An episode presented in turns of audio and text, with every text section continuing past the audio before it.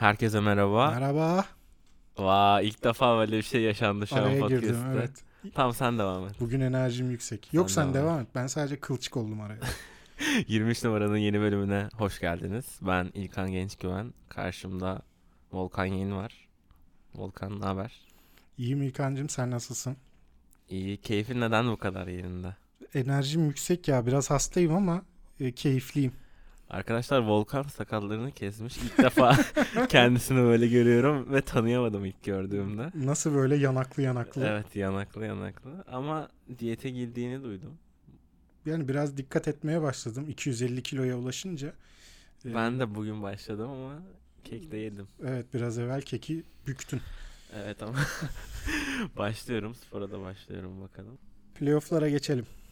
Neyle başlayalım? Batı'yla başlayalım. Peki Batı Konferansı. iki tane e, merak cezbeden eşleşme var. Evet güzel demedin. Neden? San Antonio Denver serisi yüzünden mi?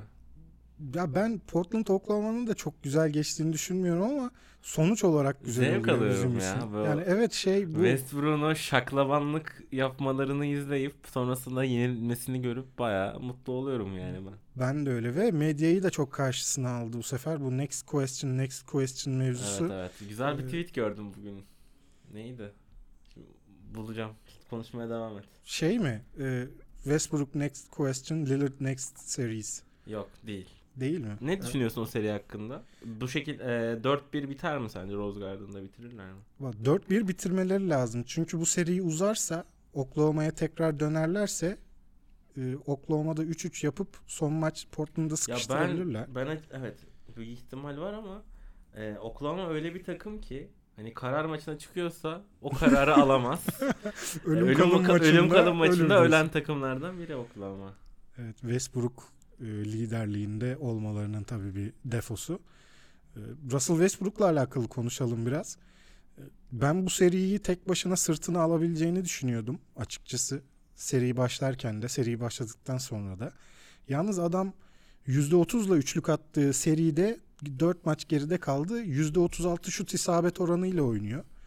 E, hani bunu herhangi başka biri yapsa süperstar olarak bir daha önce MVP olmuş bir oyuncu %36 ile ilk tur serisi oynuyor olsa e, büyük ihtimalle şaşırırdık ve çok ağır eleştirirdik ama söz konusu Russell Westbrook olunca nedense yani olabilir Normal. normal, diyorsun yani. Çok verimsiz ya. Ya genel olarak Westbrook verimsiz bir oyuncu zaten ve Oklahoma'nın şu halde olmasının nedeni bence 3-1 geride olmasının direkt olarak etken Paul George'un şu anki durumu bana sorarsan.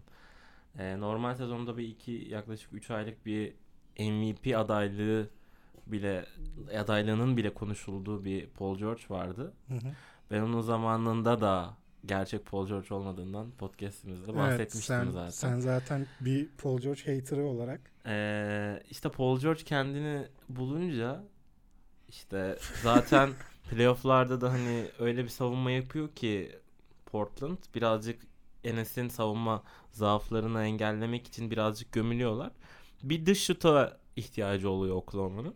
Bu şutu da atması gereken oyuncu Paul George ama %30'la atıyor bu seride Paul George. Hani normal sezonla hiç tanınmayacak halde Paul George. Bir de diğer oyuncuları çok riske edebildikleri için İşte Paul George'a da pek yani e, kaliteli atış vermiyorlar yani. Genelde hep el üstünden kaldırmak Evet, Jeremy Grant'i olsun, Terence Ferguson olsun. Evet. Bunların hiçbiri zaten Zaten ne- kazan- elit şutör değiller. Şutör bile şu anlık değiller bile. Kötü şutörler Kötü ya şutörler, direkt yani aynen. playoff için baktığın zaman riske edebileceğin oyuncular ve kazandıkları maç da zaten Terence Ferguson'la Markieff Morris'in şut soktuğu maçtı. Hani Westbrook'la Paul George o maçı da çok iyi oynamadılar. Bana kalırsa Oklahoma'yı yarı yolda bırakan ana faktörler Westbrook ve Paul George. Hı hı. Ya o kadar verimsizler ki ikisi birden. Ya belki skor atıyorlar faul çizgisine falan gidip ama hani bu kadar fazla boş hücum yap, boş hücum yap, boş hücum yap. E karşıda da Lillard'la CJ McCollum bayağı iyi seri geçiriyorlar. Hı hı. Damian Lillard resmen elit oyuncu oldu olacak yani o seviyeye geldi. Evet, süperstarın birkaç bir, bir tık mı aşağısında diyorsun? Hani an? En e, A plus süperstarların hemen altındaki oyuncu gibi gözüküyor Hı hı. şu anda ve oraya aday yani o hani elit oyuncular seviyesine de çıkabilir. E, şunu yazdım geçen gün Twitter'da. E, lige geldiği günden bu yıla kadar geçirdiği süreçte bu yılki kadar ge- gelişmemişti Damian Lillard. Yani oyunundaki gelişim çembere çok daha e, iyi gidebilmesi, çember çevresinde daha iyi bitirebilmesi. Yani Lillard eskiden beri çok iyi bir şutördü ama boyalı alanda mesela bitiriciliği sorunluydu. Bu yüzden biraz e, orta mesafe ve 3 sayı dışına sıkışarak oynuyordu. Şimdi oyununa bambaşka bir boyut gelmiş ve e, takım arkadaşlarıyla da çok iyi bir kimyası olduğu için boş oyuncuları da tık tık buluyor. E, Çok iyi İşte bir seri geçiriyor. Ana zaten normal sezonda da aynı şekilde. Ee, biraz topsuz oyunu da çok geliştirdi. Hı hı. Hani topu CJ McCollum'a bırakıyor ve e, CJ McCollum'un bazı karar verdiği anlar oluyor. E, Geçtiğimiz senelerde asıl Portland'ın sıkıntı yaşadığı şeylerden biri de Lillard'ın birazcık Bologger gibi olmasıydı. E, alıyordu topu işte süreyi çok fazla yiyordu. Hı hı. Şimdi biraz daha o anlamda da çok verimli ve gerçekten e, zaten bazı yazarlar MVP sıralaması yaptığında normal sezonda Lillard'ı ilk 5'ine ilk 4'üne de aldı. Çok iyi bir Evet, normal yani- sezon üzerine harika bir playoff.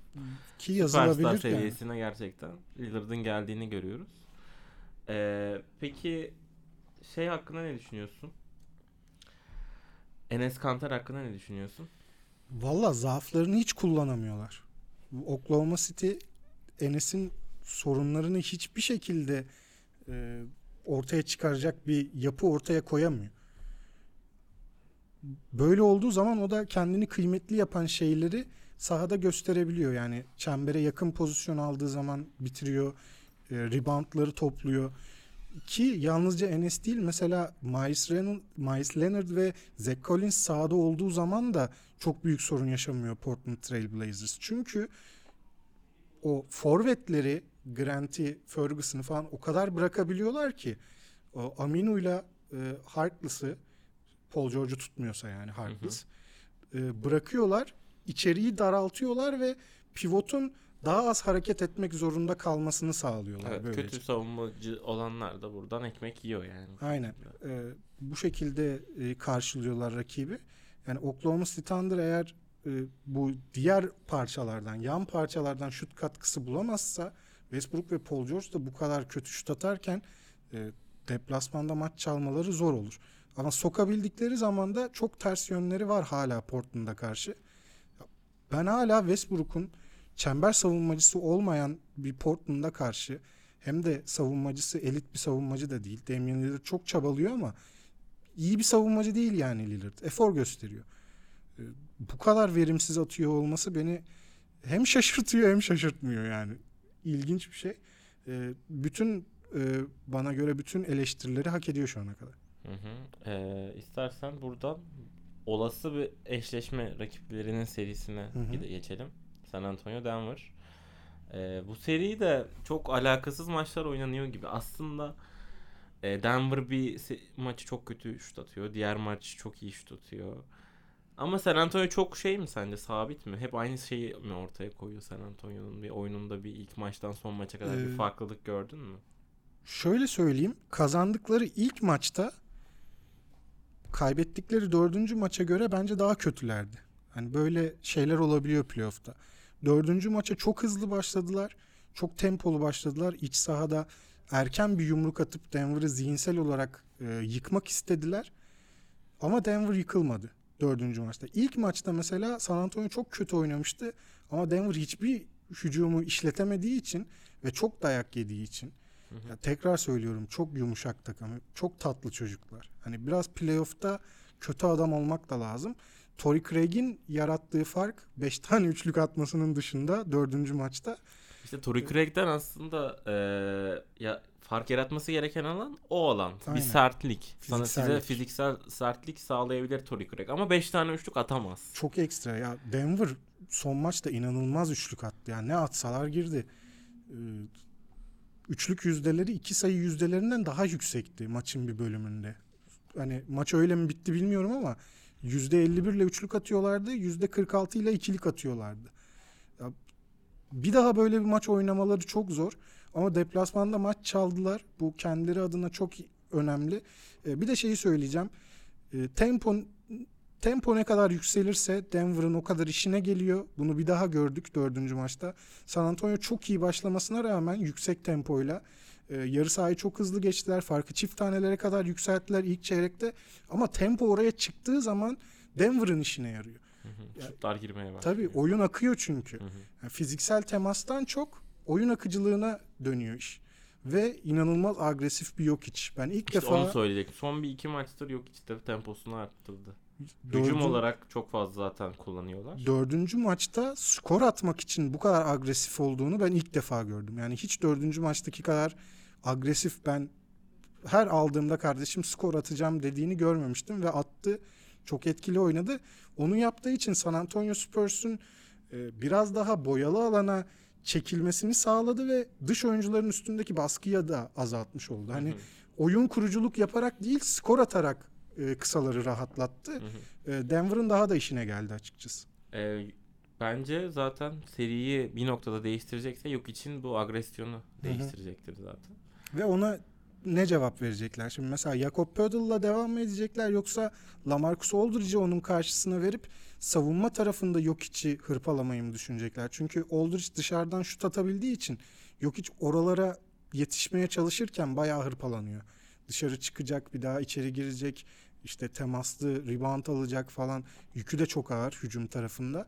Hani Aldridge ile eşleştiğinde bence Jokic daha fazla yıpranıyor. Ya öyle bir durumda e, savunma tarafında düşünürsek şey yaparlar yine Aldridge'i Millsap'le savunmaya devam ettiğini fa- farz edelim. Hı hı. Yok hiç bu sefer sağda kim olacak 4 numarada? Davis Bertans falan mı olacak? Ya, Rudy Gay oynuyor daha çok. Yani Rudy Gay o falan oynarsa evet tutamaz. O sıkıntı olur gerçekten söylediğin gibi. Ee, Bir de şeyi söyleyeceğim. Lamarcus Aldridge bir tane maç alacak bence bu seride. Hı hı. Ee, henüz almadı. Hani San Antonio Spurs'u hemen elendi gibi görmemek lazım. Evinde maç kaybettiği için. Evet sağ avantajı gitti ama Paul Millsap'le arasında iki buçuk kafa fark var ya. Hani e, onun bir önceki sene Houston e, karşısında oynadığı bir maçı hatırlıyorum. Eşleşmesi olmadığı zaman böyle ilk çeyrek 2-3 şutunda isabet bulduğunda bir ritim yakalayıp Lamarcus Aldridge çok çok tehlikeli bir adama dönüşebiliyor. Öyle bir tane maç kazandırıp sanki bu seriyi San Antonio'ya getirecek gibi hissediyorum ben. 7 maç kokuyor çok fazla. Evet bana da öyle geliyor. Ama işte o 7. maçta San Antonio kötü bir sürpriz yapabilir Denver'a. Öyle hissediyorum yani. Denver'ın sahasında alır diyorsun seriyi. Bakalım. Bakalım. Ee, diğer iki seri Houston'ın 3-0 üstünlüğü var Utah'a karşı. Evet. Söylemek istediğin var mı bu seri hakkında? James Harden'ın 20'de 3 saha içi isabetle oynadığı 15'te 0 başladı. Evet. Üçüncü maçı da kazanamadı Utah ve gerçekten o seviye takımlarla aşık atamayacağı belli oldu artık yani. Utah'ın bir şekilde bu yapıya yetenek katması lazım. Hı hı. Sadece Donovan Mitchell sürük Donovan Mitchell'ın sürüklediği bir hücumla elit takımlarla baş etmek mümkün değil. Ne kadar iyi savunma yaparsanız yapın ki James Harden gibi bir adam olduğu zaman karşıda onun savunması da yok. Harden kötü atarsa ancak kötü atıyor. Ya iyi oynadığında çünkü ne yaparsanız yapın atıyor adam. Houston'ın öyle bir kötülüğü var. Yani Golden State'i çok fazla konuşmayacağız tahmin ettiğim kadarıyla da orada da mesela Kevin Durant hani rakibin ırzına göz dikiyor ya resmen böyle bazen gözü dönüyor adamın. Öyle şutlar sokuyor ki ne yaparsan yap. Fiziksel avantajları da tabii ki çok büyük Durant'in. Ee, Bence şey yapalım yani bu iki seriyi çok fazla konuşmaya gerek yok. Bu Aynen. iki takım eee Batı yarı finalinde eşleşecekler. Aynen. İstersen bunu konuşalım. Yani onu tabii ki daha geniş geniş de konuşmak lazım ama bu eşleşmeden çıkan taraf Hayır, büyük ihtimalle Şimdi pazartesi günü sonraki pazartesi bir haftamız var ve bu bir haftada o eşleşme başlar mı? başlamış olacak muhtemelen. Ee, şöyle bir- söyleyeyim. Biraz bir konuşalım be. O eşleşmeden galip çıkan taraf büyük ihtimalle NBA finalinde olacak. Çünkü ters taraf çok Of, zayıf. Kanka ne dedin ya bu? evet, e, şey Neydi bu şimdi? Şey diyeceğini Believe- zannettim ben hani şampiyon olacak dedi diyeceğini zannettim. Ya muhtemelen şampiyon da olacak. Yani birbirimizi kandırmayalım. Doğudan gelen takım Milwaukee'de olsa, Boston ya da Toronto'da olsa e, muhtemelen Golden State ve Houston Bir avantajlı dakika bir olacak. dakika. Philadelphia demedin. Ee, ya ben Toronto'ya karşı çok şanslı olacağını düşünmediğim için. Tamam Ama da abi niye demedin abi? Bizim Ya- şansımız var. Elenmedik. unuttum be kardeşim ya. Oğlum. Dis atmak için Alındım şey lan. yapmadım. Alındım lan. Hayda. Şimdi işin yoksa programdan sonra arkadaşı gönlünü al. Ee, olası bence konuşalım. Olası bir Houston Golden State serisini. Ee, Sen hep şeyden bahsediyordun. Eşleşmesi var, eşleşmesi var. Ee, Houston'la Golden State eşleşebiliyor. evet yani Kevin Durant gibi bir adam var ellerinde. Hücum tarafında o kadar özel bir oyuncu ki savunmada yaptıklarını bazen görmüyoruz.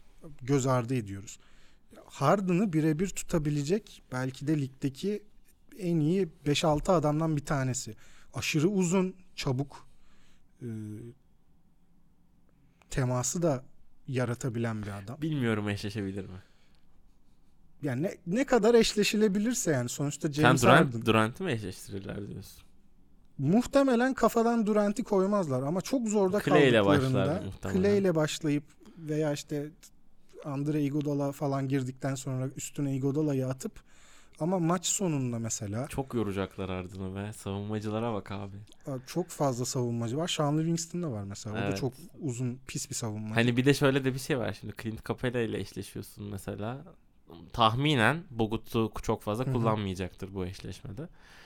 İşte Dre ile eşleştiğini düşün. Bir switch yapsan Harden Dre eşleşmesi kalıyor Aynen. mesela orada. Ee, hani pick and roll'ü de elinizden alıyorlar. Zaten son Clippers maçında felç ettiler. Ee, Lou Williams'la Montrezl. Harrell'ı. Evet. Ki ligin en durdurulamaz pick and roll'lerinden biriydi bu sezon. Lou Felç Williams ettiler onu. ortaya bıraktı. Ya, ama biraz da zorunda kaldı. Çünkü adam karşısında mesela Iguodala oluyor. Perde kullanıyor. Draymond Green geliyor. Perde kullanıyor. Kevin Durant geliyor. Yani adam değiştikleri için Harrell'a devrilme şansı da kalmıyor. Ee, Şimdi Houston serisinde de düşündüğümüz zaman e, Clint Capela sırtı dönük tehdidi yok. İlla ki perde yapmak zorunda. Ee, Harden'ın karşısına Draymond Green ya da Durant'i bırakacaklar perdeden sonra. Capela'nın işte arkada hücum reboundlarını çok agresif kovalaması lazım. Eğer bir avantaj sağlayacaklarsa.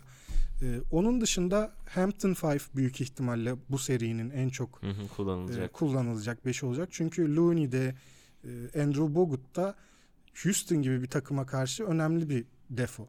Evet.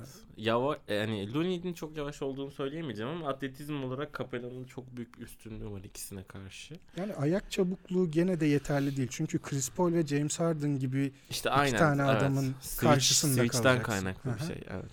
e, o yüzden Hampton Five'ı daha fazla kullanacaktır Steve Kerr. E, Chris Paul de e, önemli bir etken olabilir. Hatırlıyorsun bir tane maçı derlenmişti geçen sene Hı hı. e, Batı finalinde. Hani öyle bir iki tane maç sıkıştırabilirse İşte bir evet tane de en Harden kritik oyuncu sanki Chris Paul gibi. aynen yani e, çok önemli olacak. Bir de bu playofflarda benim dikkatimi şu çekti. Sen de öyle hissediyor musun bilmiyorum. Sanki rol oyuncularının yan parçalarının yan parçaların verdiği katkı ana parçalardan daha değerli gibi olmaya başladı. Çünkü ne yaparsanız yapın onlar belli seviyede katkı veriyorlar ana parçalar, süperstarlar ya da yıldız oyuncular. Ee, belli bir seviyede sınırlayabiliyorsunuz ama gene de katkısını veriyor. Ama yan parçalardan hiçbir şey gelmezse artık tek başınıza maç kazanma gibi bir şey çok zor. Örneklendirsene. Şöyle örneklendireyim. Ee, geçen sene Houston Rockets'ın 27 üçlük üst üste kaçırdığı e, maçı hatırlayabiliriz. Bir de bu sezon e, Portland'ın kazandığı Oklahoma City maçlarını ben e, düşünüyorum. E, Westbrook ve Paul George çok e, yüzdesiz saha içi isabet yani saha içi isabet oranları çok düşük olmasına rağmen çembere giderek faul alarak bir şekilde skor atıyorlar. Ama yan parçalardan hiç şut katkısı gelmeyince oyun yönlendirme zaten öyle bir özellikleri yok. Bu sefer iki kişiyi dört kişi savunuyor gibi oluyorsunuz. Hı hı, E, bu da çok fazla sınırlıyor sizin tavanınızı. hı hı. Utah Jazz için de aynı şey geçerli. E, o yüzden hani e, kritik anlarda katkı verebilecek yan parçalar Mike Scott'ın mesela Evet bizde. çok ciddi bir katkısı olmuştu. Hani sizin süperstarınızı rahatlatıyor bu adamlar şut sokabildiği zaman. Hı hı. Onlardan o şut katkısı gelmeyince mutlaka ikili sıkıştırmalarla falan sınırlayabiliyorsunuz. Ama yan parçalar attığı zaman abi bu adamları durdurmak imkansız oluyor. Golden State'in en büyük şansı onlardan 3 tane olması. 3 Evet. tane manyak var. Evet. Üç tane manyağın yanında Andre Iguodala. Ya şut falan sokan da. Andre Iguodala mesela tarihin en değerli oyuncularından bir tanesi. Acayip tükürdüm kusura bakma. Kanka burnuma kadar geldi. Özür Aramızda dil- 3 metre var bu arada. Özür dilerim ya. Nasıl bir güldüysem. Ee, tam doğuya geçelim istersen. Evet geçelim. Ee, doğuda süpürme var bir tane süpürgeleri çıkarttı Boston. Ee, ve Indiana Pacers'ı süpürdü. Bütün maçlarda 3. çeyrek sonrası çözüldü Hı hı. maçlar. Indiana hep maçın içinde kaldı fakat elit bir hücumcusu olamadığı için ve skor son periyotlarda Boston'ın onları sıkıştırmasıyla üretmekte zorlandığı için 4 maçı da kaybetti. Ve tam sanırım en farklı e, en çok fark attığı maç Boston Indiana'ya bu 4 maçta 7 sayı fark. Yakın da evet skorlar hep. Yani maç sonunu daha iyi oynayabildiği için kazandı Boston. Peki işte o Maçta. zaman Oladipo olsaydı Gene de yeter miydi bilmiyorum. 4-0 olmazdı herhalde. 4-0 olmazdı o kesin ya. En azından bir tane maç sıkıştırırdı Oladipo bu kadar yakın giden bir seride ama e, Boston Celtics çok iyi savunma yaptı. E, Brad Stevens da söyledi zaten. Normal sezonda bu savunma seviyesine hiç yaklaşamamıştık dedi. E, çok odaklanmışlar belli. E, Yine şunun, de çok iyi bir test değildi abi. Aynen. Şunun farkındalardı bence. Biz en az Indiana kadar iyi savunma yapabilirsek bunlar bizi yenemez. Onu kafaya koymuşlar. Indiana kadar boğuşalım, Indiana kadar iyi savunma yapalım. Bir şekilde bir sayı fazla atıp Abi ama kazanırız. savunduğun adamlar Darren Collison, Wesley Matthews, e, Thaddeus Young Ee, şeyler de Miles Turner'la Domantas Sabonis de kötülerdi. bayağı kötülerdi. Tyreek Evans yine birkaç maç sanki Son maçı iyi oynadı. kıpırdadı. O şeyi hatırladı herhalde. Ulan benim kontrat bir senelikti. Son maçta. Aynen. Elenip gideceğiz. Dur bir tane iyi maç sıkıştırayım da bir kontrat gelsin diye. Tam böyle Vladi Divac açmış maçı izliyor. Uf Tyreek Evans'a bak deyip ağızları sulanıyor. 4 yıl 89 milyon dolara kar. Harrison Barnes'dan iyi. Neyse Sacramento'ya Ee, gelmeyelim şimdi. Aynen. Boston turu geçti. Eşleşmesi de muhtemelen bugün de bir süpürge çıkartacağız ve toz alacağız birazcık. Zaten toz kalmadı gibi bir şey yani böyle artık son zerresini üfüreceğiz. Evet, üfleyerek geçer mi diyorsun? Yani geçebilir. Ee, bu, Milwaukee Bucks Detroit Pistons serisi Milwaukee Bucks'ın üstünlüğüyle 4-0'la tamamlanacak muhtemelen. büyük ihtimal. Ve Blake Griffin de oynadı. Kendini 4-3 zorladı. Detroit geçiyormuştur. Şimdi sen de beni kırdın. Tarihin en büyük geri dönüşlerinden biri olur. Birincisi olur kanka. Ya LeBron'un 3-1'den final kazanmasını geçmez de. Ee, Bence daha büyük upset ya. daha hani büyük- yok tamam. Hadi diğer serinin olayı daha büyük olabilir ama bu upset olarak çok acayip düşünsene. Ya inanılmaz olur. Zaten imkansız. 30'a vurmuşsun her maçı. 3-0 öndesin. Yok, Ya öyle bir şey çıkmaz yani Detroit Pistons'a 6 tane falan ekleme lazım öyle bir şey. Eklemeler Kevin Durant, Stephen Curry. Şey aynen tamam. Ee, Blake Griffin oynadı mesela son maçta. Ben çok mantıksız buldum onu söyleyeyim. Sakat olduğu çok belli. Zaten ayakları çok gitmeyen bir oyuncu. Bir de sol ayağı hiç yerden kalkmıyordu. Ee, dizi belli ki ciddi bir sakatlığı var. Ama e, kendini zorlamak ve e, Detroit'te oynanan e, yeni salonda oynanan ilk playoff maçında muhtemelen sahada olmak istedi. Takım arkadaşlarına işte ben bu takımın lideriyim ve bakın acı e, acıyla oynamama rağmen çıkıyorum sizi yalnız bırakmıyorum demek istedi.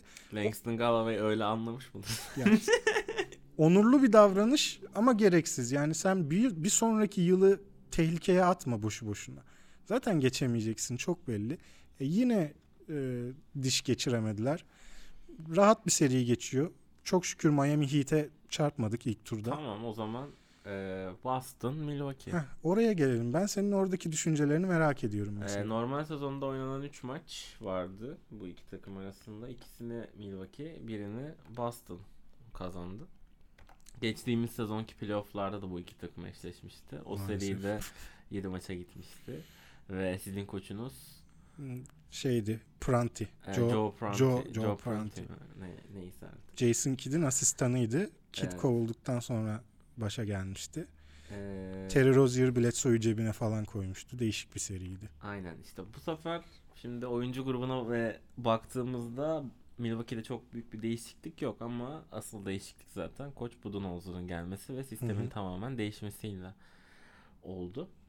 Ee, şu tabii ki oyuncuların şu anda Detroit serisinde gösterdiği performanslar e, çok da hani ne kadar e, sağlıklı bir şey gösterir.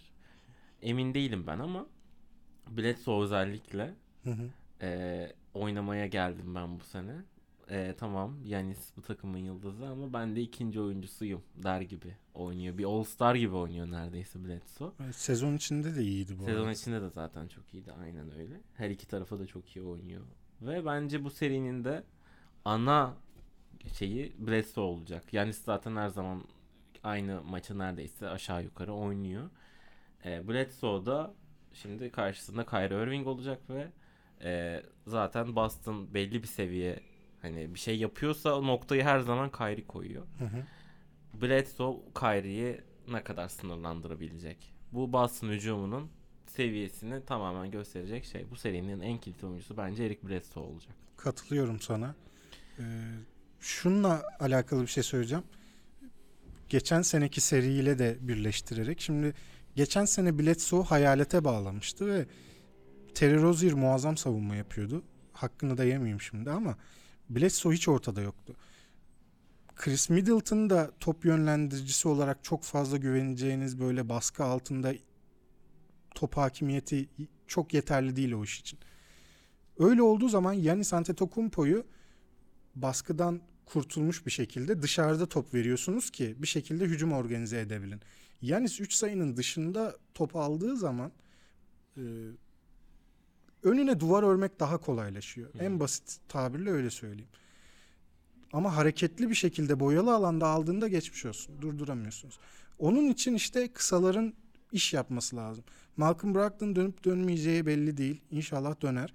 O çok kritik olur. Ama dön dönecekse bile asıl olay Eric Bledsoe'da bitecek. Şey peki Brogdon'u biraz daha bekletmek için acaba bir maç kaybederler mi ya? Ne diyorsun? Zannetmiyorum ya. Kaç gün kazanacak ki? İki gün Bahiste bir oynasak mı? Mesela. Parayı vuralım diyorsun. Öyle bir şey geldi şu an. Hmm. Şeytan öyle de dürttü beni. Detroit'e kaç? 28 oran falan veriliyordur herhalde artık. Handikaplı oğlum. Handikaplı kanka. Ee, neyse konumuza dönecek olursak e, Boston serisinde de en büyük sıkıntı Brook Lopez olacaktır muhtemelen. Çünkü Al Al Horford'un Horford'la. Al Horford'un Kyrie Irving'le oynadığı ikili oyunda dışarı açılıyor Al Horford pick and pop. Brook Lopez'i gömdüğünüz için Acaba e, Yanis Center daha çok süre geçirir mi? oynamak zorunda kalacak zaten pivot. Çünkü Al Horford şut atabildiği için e, direkt atak noktası veriyorsunuz Boston'a ki vermemeniz lazım. Çünkü sistem işlemiyor Boston'da. Bu çok net. Sezon başından beri sistem işlemiyor. Kyrie'nin, Jason Tatum'un falan bireysel yaratıcılıklarıyla biraz yürüyorlar. Indiana serisinde de gördük. Yani iyi bir savunma takımı Boston'ın sistemini durdurabiliyor. Bireysel çözüme kalıyorlar. Ha, oralarda da silahları var. O başka mevzu ama e, şeye geldiği zaman Brook Lopez Al Horford'a çıkamadığı için direkt bir defonuz oluyor. Şimdi Yanis iki kişilik yer kaplayabiliyor savunmada. Zaten Brook Lopez'in bu kadar sahada kalabilmesinin en büyük sebebi o. Yanis, Arkasında? Yanis var. Ama Yanis bile yetişemiyor oraya. Kyrie Irving'le oynuyor ikili oyun çünkü. Irving'i de salamıyorsun. Atıyor adam. Oralara yetişemiyor. İyi de yerleşiyorlar sahaya. Ee, onun için Ersan'ın daha çok süre alabileceği bir seri olabilir bu. Yani, e, hem reboundçuluğuyla hem daha ayakları çabuk olduğu için Yanis'in yanında 4 numara gibi ya da 5 numara gibi artık Yanis'i ne kadar saklamak istiyorsa savunmada Hı e, kullanıp bu tip çözümler Ya ben bu üretilebilir. seride birazcık zaten Milwaukee NBA normal sezonunun en iyi savunmasıydı Hı hı. sanıyorum. Verimlilikte Evet, birinci sırada birinci sırada. bitirdiler. Ee, Boston'ı da Kyrie'yi birazcık e, şey dış bırakırlarsa, iyi savunurlarsa Boston ben çok tıkanacağını düşünüyorum açıkçası bu seride. Gordon Hayward da çok iyi oynadı ama Indiana son iki maçı, Indiana serisinin son iki maçını. Son maçı ben şey beğendim. Ondan önceki maç iyi miydi? İyiydi ya gene. O kadar çok skor atmadı ama gerekli yerlerde gerekli sorumluluğu aldı. Ee, Çok silah var ya Boston'un. Yani ne yaparsanız yapın böyle 80'lerde 90'larda tutmak çok zor. Ee, Ya, İşte onlara karşı skor atmak lazım. Çünkü savunmayı çok iyi yapabildiklerinde o savunmadan aldıkları güçle çok coşkulu oynuyor Boston Celtics. Onlara kardeşim siz bizi kolay kolay durduramazsınız mesajı vermek lazım. Onu yapabilirse Milwaukee Bucks bana göre avantajlı. Ben Milwaukee'nin seriyi geçeceğini düşünüyorum. Zaten daha detaylı da konuşuruz. Hı hı. Ee, Boston'ın kazandığı maçı da Milwaukee çok daha iyi oynamıştı normal sezonda. Ben hatta e, sana şey yazmıştım. Golden State'i yendiğimiz maçta Boston'a yenildiğimiz maça göre daha kötüydük. Boston o maç inanılmaz üçlük soktu. Marcus Morris derlendi falan böyle 7-8 tane savurdu. 5 tane mi sokmuştu öyle bir şey. Bakıyorum. O maçta Boston Celtics çok iyi 3 sayı atmıştı. Yani o maçı da kazanacaktı yoksa Milwaukee. Semih Ojeleye oynamış o maçta. Yine. Ojeley zaten yani stopper ya. Aynen. Yine sıra bulur mu? İllaki gelir. İllaki süre gelir. Onu da denerler. Yanis'i çünkü yavaşlatabilmek için ilk temasta dağılmamak gerekiyor. İlk temasta o boşluğu yaratırsa bir şekilde atıyor adam. Hı hı. Yani normal insan değil yani. Öyle her yerden uzanıyor. Ama Ojeley çok kapı gibi bir adam olduğu için ne kadar kötü basketbolcu olsa da o çarpışmada dağılmıyor ve o mesafeyi sıçrayacak yeri Yanis'e vermiyor. Öyle olduğu zaman biraz yavaşlatabiliyorsunuz. Onu Biraz. biraz kullanacaktır Brad Stevens da mutlaka. Ya ben ben de net ben net diyorum ya. Net. Hadi bakalım. Nazar değmesin. Birazcık haterlıktan da geliyor olabilir. Bilmiyorum. Olabilir. Bakalım. Göreceğiz. Skor da var. 4 Bucks in 6 ya. Bizim mottomuz o biliyorsun. 4-2. Bucks in 6. Ben de Bucks in 5 diyorum. 5. O inşallah. Hadi bakalım. Kısaca şeyi de konuşalım. Ee, Sixers e, Toronto'yu da konuşalım. Tamam, Muhtemelen Sixers, orası da Toronto olacak. Benim en istemediğim seri zaten daha önce de bahsetmiştim Toronto. Ee, önceki podcast'te de konuşmuştuk. Siakam eşleşmemiz yok. Şimdi elbet hani tabii ki playoff Ka- Kawhi bence NBA'nin en iyi oyuncusu. Bunu arada zaten dile de getiriyorum. Yine de onunla eşleşebilecek bir Butler'ın var. Evet Kawhi sana Butler savunmasında bile maç alabilir ama onunla hani savunmada eşleşebilirsin. Evet. Ee, ondan sonra işte Mark Gasol Embiid eşleşmesi olacak. Burada da bir sıkıntımız var mesela. Embiid'i savunabilen birkaç uzundan bir tanesinin Mark Gasol olduğundan bahsetmiştik. Çünkü çok büyük ve yerinden oynatmak çok güç bir adam. Aynı zamanda mükemmel bir savunmacı zaten. Zekası çok. Zekası Üst düzey. aynen öyle. Ya bu iki oyuncu zaten e, bizim en iyi iki oyuncumuzun bu ikisi olduğunu düşünürsek onlar bizimle bunlar bu konuda eşleşebiliyorlar. Siakam'la da biz eşleşemiyoruz. X faktör orada Siakam. Aynen Siakam olacak. Çünkü- Ne ne Tobias ne Ben Simmons e, onun kadar hani yırtıcı hem değiller. Yırtıcı olmalarını Hı hı. geçtim. Siakam e, hem çok iyi bir birebir silahı hem de sahayı çok hızlı koşan bir oyuncu. Hı hı. Ya, o yüzden aslında bu seride birazcık e, gerçi bizim tempo yapmamız gerekiyor. Biz tempo yaparsak biraz daha e, başarı elde edebiliyoruz. Lakin çok e, en önemli şey bence rebound almak olacak. E, çok fazla rebound vermediğimiz takdirde bu Siakam'ın hızlı gidişlerini birazcık engelleyebiliriz. Ama onun dışında ben Milwaukee'yi biraz da Milwaukee demişim özür dilerim. Toronto'yu biraz daha şey favori görüyorum. Sen ne demek istiyorsun bu olası seride? Bence Philadelphia 76ers için bu tepedeki dört takımdan en kötüsü Toronto eşleşmek için. Hı hı. Dediğin gibi Embiid ile Jimmy Butler'a çok net cevapları var Toronto'nun eşleşme e, babında. Babında, Babında. kelimesi de geçti bu arada podcast'ta. Ben kullanıyorum onu ya arada. E, Dün kullandım galiba. ve Siakam hem Ben Simmons'la hem Tobias Harris'le eşleşebiliyor. Öbür tarafta Siakam'la eşleşmeleri çok zor bu iki adamın. Ben Simmons'la kalırsa bir kere eyvah eyvah. Ben Simmons'ı denize döker. 30'a 40'a gider yani. Ee, Çünkü hakikaten çok iyi birebirci. Sağdan dönüyor pat diye oraya sıçrarken sola dönüyor bir de öbür taraftan atıyor falan. Hani o tip ayak hareketleri falan da Hı hı. koymaya başladı yavaş yavaş. E, Tobias Harris de zaten çok çok iyi bir savunmacı değil. E, onun dışında Kyle Lowry'i belki e, bir zaaf olarak kullanabilirse Philadelphia en azından Siakam'ın o yarattığı avantajı dengelemek açısından e, faydalı olabilir. Gel gelelim Brooklyn Nets değil Toronto. Yani illaki çözümleri olacak. Çok iyi savunma yapsanız bile. Öbür tarafta Philadelphia'nın ne kadar kaotik bir hücumu olduğunu düşününce Toronto da iyi bir savunma takımı. Hani sıkıştırabilirler gibi geliyor bana da Sixers'ı. Ben 6 maçta Toronto diyorum. Bu Ben de, eşleşmede. ben de Toronto'nun geçeceğini düşünüyorum. Şu an skor vermeyeceğim. Bir sonrakinde. Dedikten sonra eklemek istediğim bir şey var mı? Özlemişiz be. Evet Vallahi. abi özlemişiz. Ee, o zaman öpüyorum seni. bir kere de böyle bitirelim. Hayırdır inşallah. Bayram değil, seyran değil. Ee, dinleyen herkese çok teşekkürler. Din- dinleyenleri de öpüyor musun? öpüyorum abi. Hepinizi öpüyorum. Onları da öpüyormuş. Tamam. Ee, hoşça kalın. Hoşçakalın.